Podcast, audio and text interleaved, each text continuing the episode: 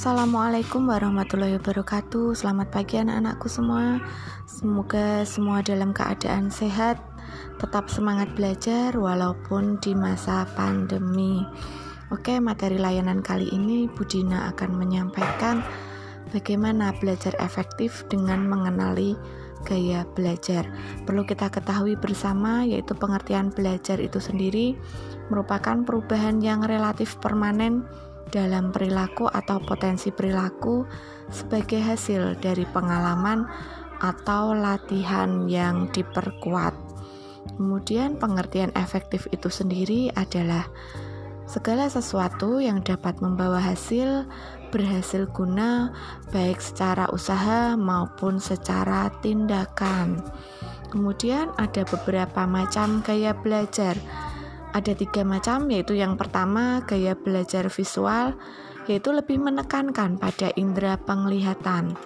Kemudian yang kedua gaya belajar auditorial, yaitu lebih menekankan pada alat indera pendengaran.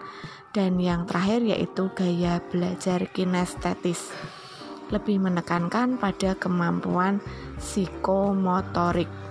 Kita bahas satu persatu apa itu gaya belajar visual? Yaitu strategi untuk memperkuat gaya belajar visual dapat diperoleh dengan cara sebagai berikut, yaitu yang pertama memilih materi-materi pelajaran yang bernuansa visual. Kemudian yang kedua, menggunakan warna-warna untuk menandai hal-hal penting. Misalnya menggunakan stabilo atau ballpoint yang berwarna. Tentunya untuk lebih mempermudah kita dalam mengingat. Kemudian yang ketiga, lebih banyak membaca buku-buku literatur yang berilustrasi. Dan yang terakhir yaitu menggunakan multimedia misalnya seperti komputer, laptop maupun video. Selanjutnya, gaya belajar auditorial yaitu strategi yang dilakukan agar mempermudah belajar auditorial dengan cara sebagai berikut. Yang pertama, berpartisipasi dalam kegiatan diskusi baik di dalam kelas maupun di luar kelas. Yang kedua yaitu merekam resum materi pelajaran pada media audio. Dan yang ketiga, mendiskusikan setiap ide secara verbal. Tentunya dibahas dengan membuat grup kelompok kelas atau berdiskusi dengan teman dan tentunya dikomunikasikan atau dikoordinasikan dengan guru mapel seandainya kalian belum paham. Dan yang terakhir yaitu gaya belajar kinestetis, yaitu strategi untuk mempermudah belajar kinestetis adalah sebagai berikut. Yang pertama, perlu melakukan praktik dengan pengawasan dari instruktur atau pelatih. Yang kedua, melakukan praktek sendiri tanpa pengawasan instruktur atau pelatih agar dapat lebih berani mengeksplorasi diri. Dan yang ketiga, menyiapkan sarana dan prasarana praktek yang tentunya disesuaikan dengan situasi dan kondisi.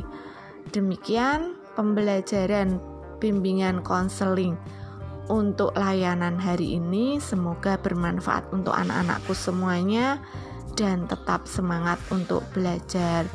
Wassalamualaikum warahmatullahi wabarakatuh. Assalamualaikum warahmatullahi wabarakatuh. Selamat pagi anak-anakku semuanya. Semoga kita senantiasa diberi kesehatan, keselamatan, dan tentunya tetap semangat belajar walaupun di era pandemi. Oke, untuk materi layanan hari ini, Budina akan menyampaikan Bagaimana belajar efektif dengan mengenali gaya belajar? Perlu kita ketahui bersama bahwa pengertian belajar adalah perubahan yang relatif permanen dalam perilaku atau potensi perilaku sebagai hasil dari pengalaman atau latihan yang diperkuat. Kemudian, efektif itu sendiri yaitu tentunya dapat membawa hasil yang berhasil guna dilakukan melalui usaha serta tindakan. Ada beberapa macam gaya belajar. Yang pertama yaitu gaya belajar visual, merupakan gaya belajar yang lebih menekankan pada indera penglihatan. Kemudian yang kedua, gaya belajar auditorial. Tentunya lebih menekankan pada alat indera pendengaran. Dan yang ketiga yaitu gaya belajar kinestetis yaitu lebih menekankan pada kemampuan psikomotorik. Gaya belajar visual yaitu strategi untuk memperkuat belajar secara visual dilakukan dengan beberapa tahapan. Yang pertama yaitu pilih materi-materi pelajaran yang bernuansa visual. Kemudian yang kedua, gunakan warna-warna untuk menandai hal-hal yang penting. Misalnya menggunakan stabilo atau ballpoint yang berbeda warna. Kemudian yang ketiga, bacalah buku-buku literatur yang ber berilustrasi. Dan yang terakhir yaitu menggunakan alat-alat multimedia.